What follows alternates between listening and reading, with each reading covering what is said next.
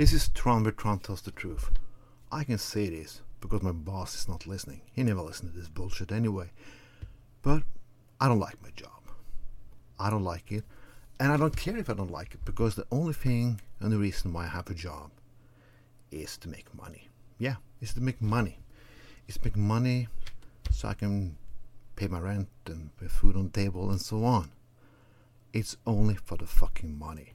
I was telling people, oh, I don't find meaning with my work. Who gives a shit? You don't need that for meaning with your work. What you find meaning in is what you do after work. I do this after work plus tons of other projects like acting and so on, but that cannot pay my bills.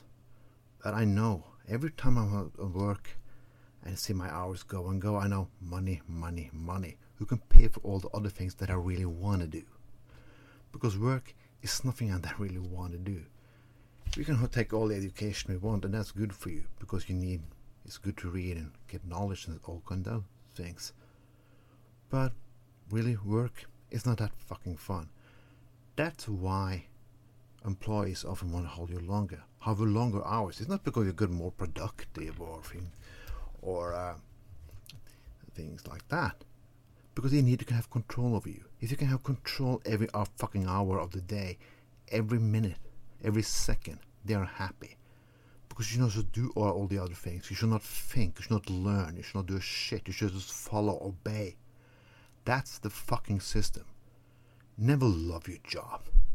Never say it like like a religion. And when your boss say, "Oh, you really want to do that against your coworkers?" It's only reason why the only thing he wants to say is, "Oh, don't make it unpleasant for me," because a boss will always give you bad self-esteem most, and he make you feel sorry, feel sorry because you don't work fucking too much. But you know that's fucking bullshit. Most things in my life are nothing I value. Friends, family, my stage acting, and my acting, and my podcast in this segment, of course. But my job, never. If you sitting around and think for yourself, like, oh, I did this job for 10 or 20 years, I feel no meaning in it. It has created me nothing. I'm not a better person, not because you're never going to get a, be a better person because of the job. It's only there for the fucking money. And always treat it like that, too. It's there for the fucking money. Bill, pay, bills to pay, and things to do, and things to buy. That's the only reason why you have it. Uh, I hate people that like work is a religion. Yeah, religion what? What do you get? You get tired and you die early and you haven't seen your family.